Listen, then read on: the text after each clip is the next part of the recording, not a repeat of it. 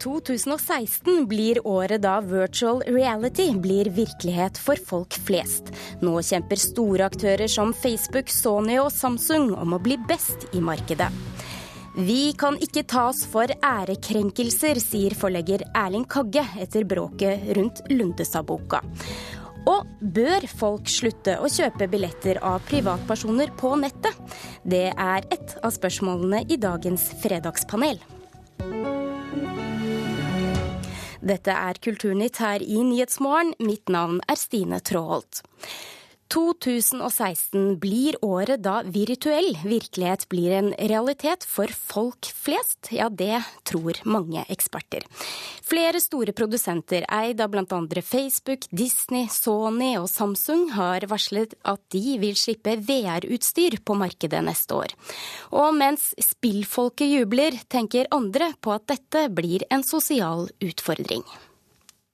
My name is Teddy. Nice to meet you. Spillutviklerne hos Krillbite i Hamar skapte dataspillet Among the Sleep. Nå leker de med en helt ny verden. Det her er en HTC Vive.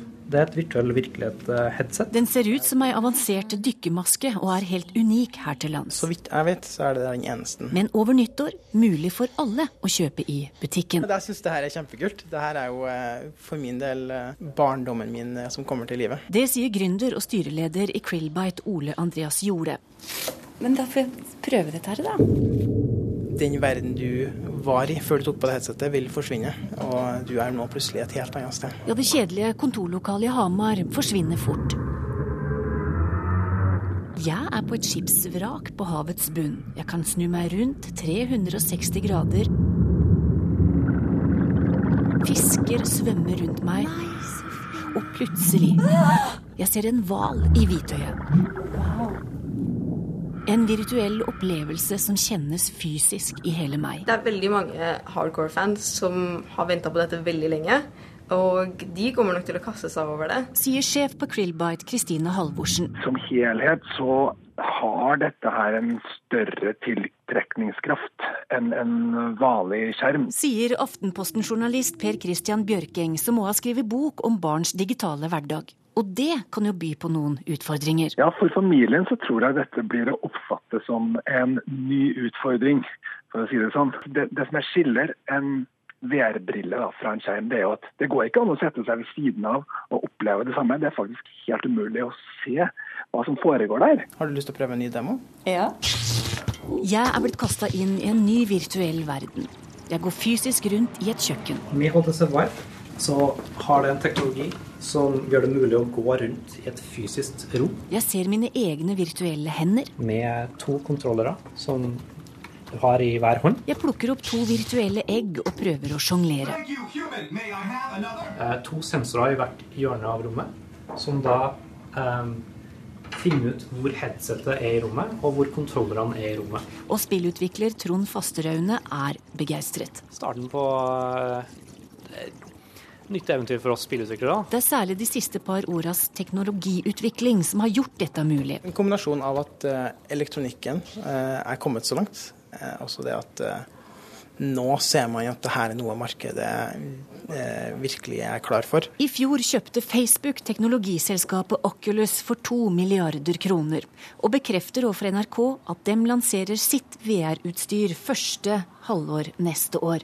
Sony og Samsung er òg i løypa for lansering, for det er flere enn spillprodusenter som ser muligheter med dette. Ja, altså det er ikke uten grunn at uh, Disney nå akkurat har uh, sagt at de investerer 65 millioner dollar for å lage VR-filmer uh, til det neste store.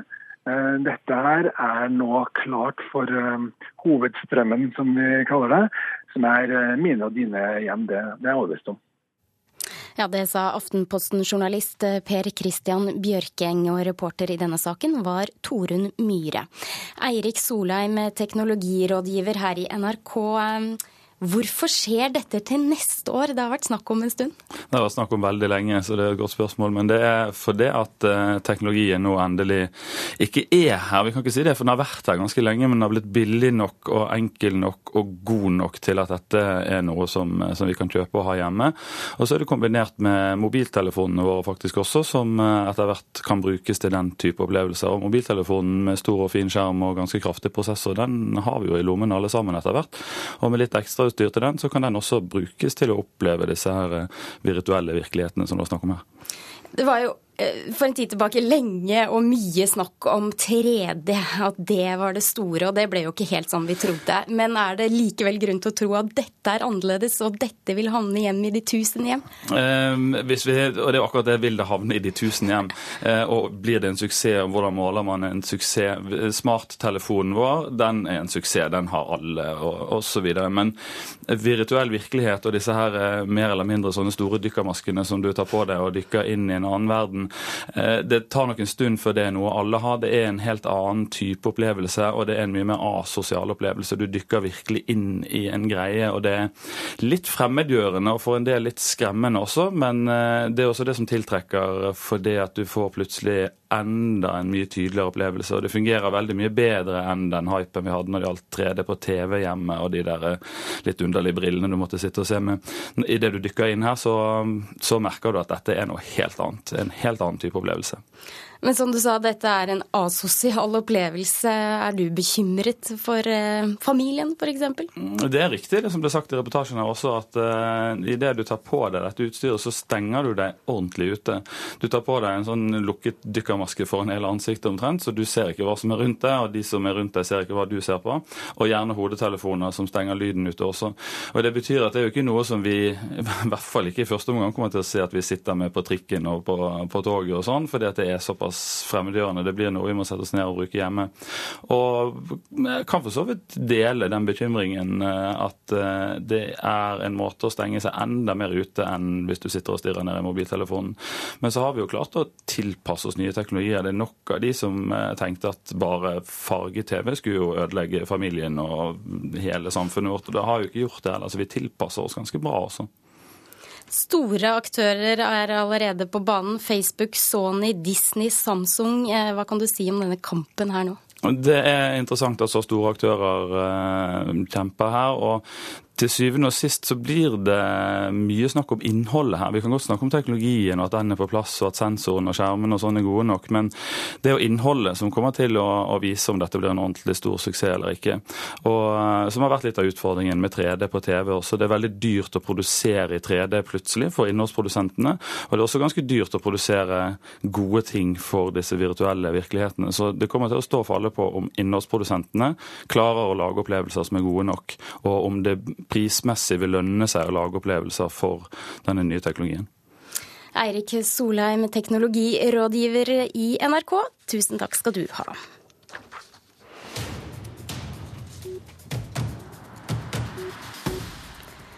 Dagens Næringsliv har avdekket plagiat i 40 saker. Det skriver sjefredaktør Amund Juve i dagens utgave av avisen. Alle artiklene er skrevet av en tidligere DN-journalist og er publisert i løpet av de siste årene.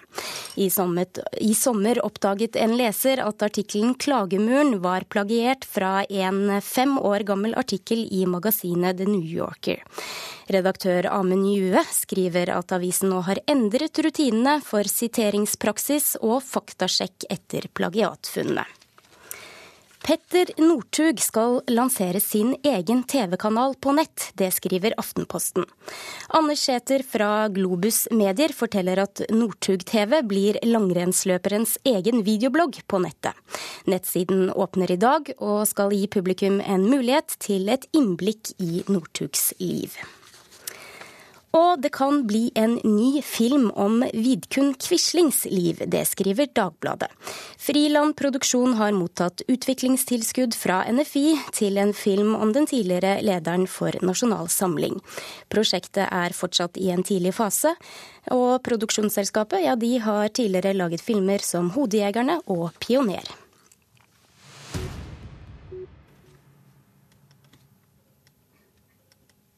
Og da skal vi snakke om den siste ukens storm rundt boka 'Fredens sekretær', der Geir Lundestad gir et innblikk i Nobelkomiteens indre liv.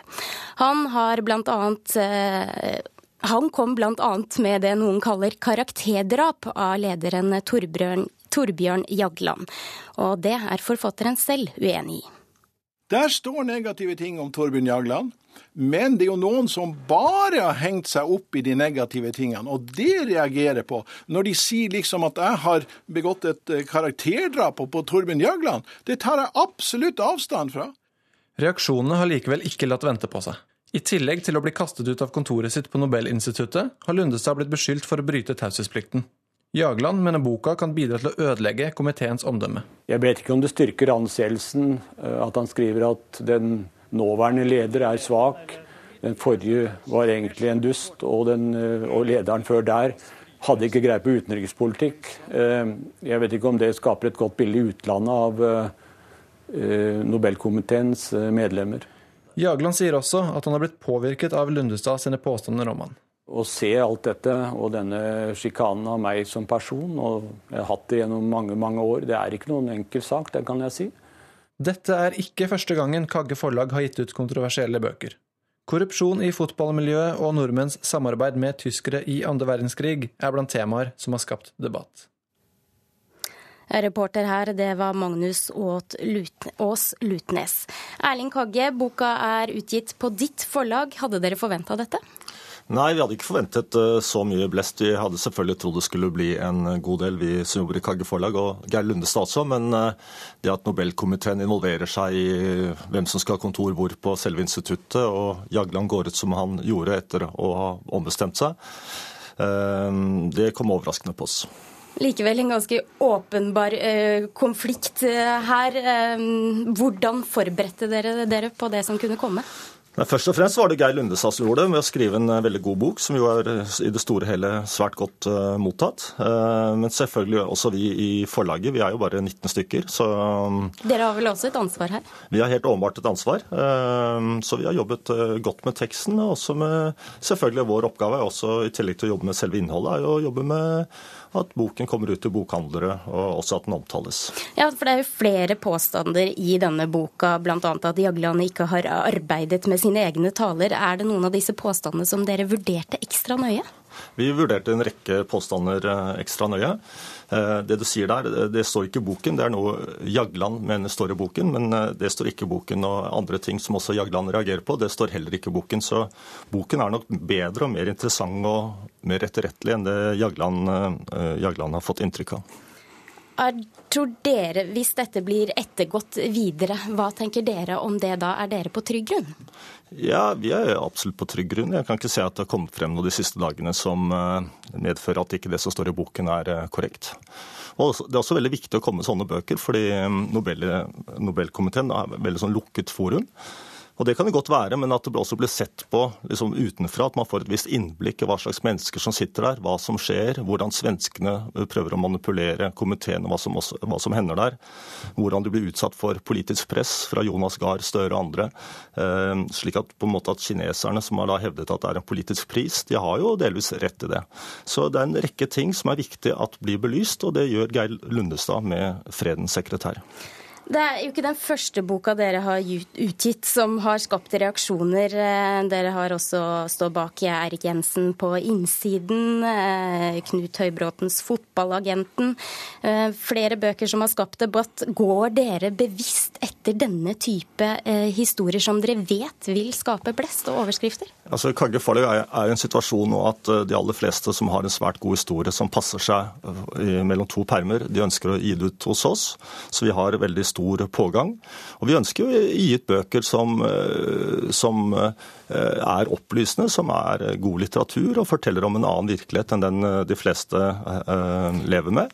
Så det er klart at det er noe av det gleden og moroa med å være forlegger og jobbe i forlag, er jo Men det er vel ikke bare sånn at folk kommer til dere, dere går vel også aktivt ut når dere har gode historier der ute? Selvfølgelig, og med Geir Lundestad så var vi veldig aktive med å overtale han om å gi ut hos oss og ikke hos andre. Det er klart at det er beinhardt arbeid Eh, hos alle Kagge forlag for å få til en bok som, som dette her. Erling Kagge, takk for at du kom til Kulturnytt.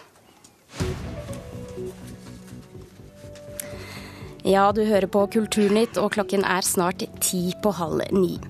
Dette er hovedsakene denne morgenen. 68 mennesker fikk beskjed om at de hadde kreft på hudsjekk dagen i vår, og det er dobbelt så mange som i fjor. Myndighetene i Saudi-Arabia varsler full gjennomgang av sikkerhetsrutinene etter at flere enn 700 pilegrimer omkom utenfor Mekka i går. Tidligere forsvarssjef Sverre Disen frykter at de nye jagerflyene blir stående på bakken pga. pengemangel i Forsvaret. Ja, og Kagge og Lundestad-prat det blir det også her i Fredagspanelet. For eh, nå kan jeg ønske velkommen til Synne Øverland Knutsen. Du er musiker og redaktør i Fanfare. Karen Kristine Blågestad er kulturredaktør i Fedrelandsvennen og med oss eh, fra studio i Kristiansand og forfatter Vidar Kvalshaug. Og vi går rett og slett bare rett på sak. Vi begynner ikke med Kagge, men vi begynner med at mer enn halvparten av Apple-brukerne under 25 år har lastet ned appene som fjerner reklame fra nettstedene på mobilen. For det viser en fersk medieundersøkelse. Og i går så kom også lesertallene fra Mediebedriftenes Landsforening, som viser nok en gang at papiravisene taper lesere. Så vi stiller følgende spørsmål. Er annonseblokkering den siste spikeren i kisten til norske aviser? Vi begynner med deg, eh, vi, Synne Øverland Knutsen. Ja eller nei? Nei. Vidar? Nei. Og Karen Kristine? Nei. Hvorfor det, Synne? Nei. For det første må man jo skille papir og nett her. Eh, og eh, det er jo ikke Nå vet jo ikke jeg åssen det her funker, da. Eh, jeg, jeg, mangler litt info, merker jeg. Og, eh, og, det er Er det sånn at hvis man da annonseblokkerer og er det sånn da Slipper reklamen, rett og slett. Ja, det skjønner jeg. det skjønner jeg. Man slipper reklamen. Men det registreres da som mindre, færre klikk, på en måte. Eh, og går det da utover papiravisa? For der går det ikke an å annonseblokkere. så jeg, jeg mangler litt info, merker jeg. Men det er en eh, fare, tenker jeg, for eh, at det kan bli dårlig journalistikk. Åpenbart, hvis man tjener mindre penger. Eh, men som det jo har kommet fram, så finner jo avisene omveier. Allerede er det jo på en eh, slags sånn eh, smart, prøver å finne en smart måte å finne omveier for å gjøre det vanskeligere å annonseblokkere. Så det tror jeg de vil finne også. Ja, det var flere nei her. Ja, det var flere nei. Og jeg tror dette er en reaksjon på at eh, nettannonser har stort sett hatt seks lyder. Det har vært blink, bling, blong, pip, pom, pang, pong eh, altså, Alle disse der, de er så stygge, de er så dominerende, som man aldri har tillatt det å være i en papiravis. Og eh, etter så mange år med å ha gitt bort alt stoffet, så skal man eh, prøve å ta igjen det tapte, og så skal man la det poppe og springe og hoppe. Og jeg tror dette er helt, uh, en helt legitim måte å reagere på. og at med en hva skal jeg si, en Spotify-modell, det er så lett å si det, hvis avisene nå begynner å lage ting som et veldig godt utdanna Norge har lyst til å betale for, noe som er relevant annet enn en, en, en eh, nakendate og en, og en kjendisrumpe, så tror jeg dette kan gå bra. Men hvis de fortsetter å, å kaste kjendisrumpene, så tror jeg folk slutter å bry seg. Så de, de, de har en sjanse til å overleve. Så det du mener at de må lage bedre eh, reklame, rett og slett? Nei, eh, de må, lage, de, de, må få reklamen til å se, til, til å se en del eh, mindre prangende ut. Eh, hvis vi, skal, hvis, vi skal, skru på igjen. Jeg er en, en av de som har blokkert både på PC og på mobil. Ja, ja. ja, Nå snakker jo Vidar Kvalshaug som en mørkemann fra Vestlandet ja. og har et svart, svart syn på hva media presenterer på sine førstesider på nettet. Men journalistikk koster jo penger. Noen må betale. Enten blir det annonsørene, eller altså enten blir det brukerne, eller så tjener vi penger på annonser. Og så jobber jo sikkert mange mediehus nå med å finne måter å omgå denne appen på. Det vil de sikkert finne, om det er ryddigere og mer delikate annonser, eller om eh, de finner på noe teknologi som gjør at en kan beskytte seg for dette. Men i bunnen her så ligger det at eh, som en betaler for teater og for kino eller for et nybakt brød, så må man også betale for journalistikk, og det er dyrt. Men er det appen som er problemet her? Nei, det er jo hele, altså, hele den nye teknologien utfordrer jo mediehusenes eh, finansieringsmodell, og det er jo dette bare det siste beviset på. Og det er jo veldig vanskelig å telle spikere. Hva var den første spikeren, hva var den tredje, hva er den siste, hva er den nest siste? Hvis du jobber i media, så føler du jo at noen står og skyter på deg hele tiden med en spikerpistol. Ok, da blir det siste ord i denne runden. Eh, vi går videre til neste spørsmål. For folk som blir svindlet når de kjøper konsertbilletter av privatpersoner på nett, kan ikke regne med at politiet etterforsker saken. Og den advarselen den kom politiet selv med i Kulturnytt denne uka. Spørsmålet er, bør vi bare slutte å kjøpe billetter av privatpersoner på nett? Ja. Ja. Nei. Nei. Hvorfor ja, Kran Kristine Brogstad? Nei, for det at eh, her står ikke liv og helse på spill. Det er ikke store summer involvert. Og et eh, politi som har stramme og knappe budsjetter, jeg skjønner at de legger dette litt vekk i den store bunken av saker de skal oppklare.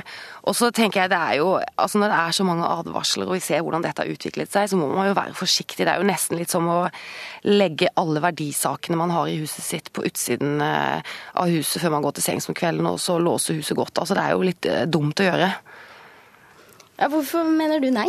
altså, mest av alt må jo folk eh, slutte å svindle. Eh, men det er, jo, det er, jo, en grunn til at folk kjøper privat, og det er jo sikkert fordi det er utsolgt, og eller at eh, man på en eller annen måte må få tak i en billett, og det må man gjøre privat.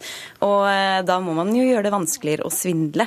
men i, og i, jeg, jeg tenker man ikke snakker om politiet skal etterforske eller ikke, men man snakker jo, her er spørsmålet bør folk slutte.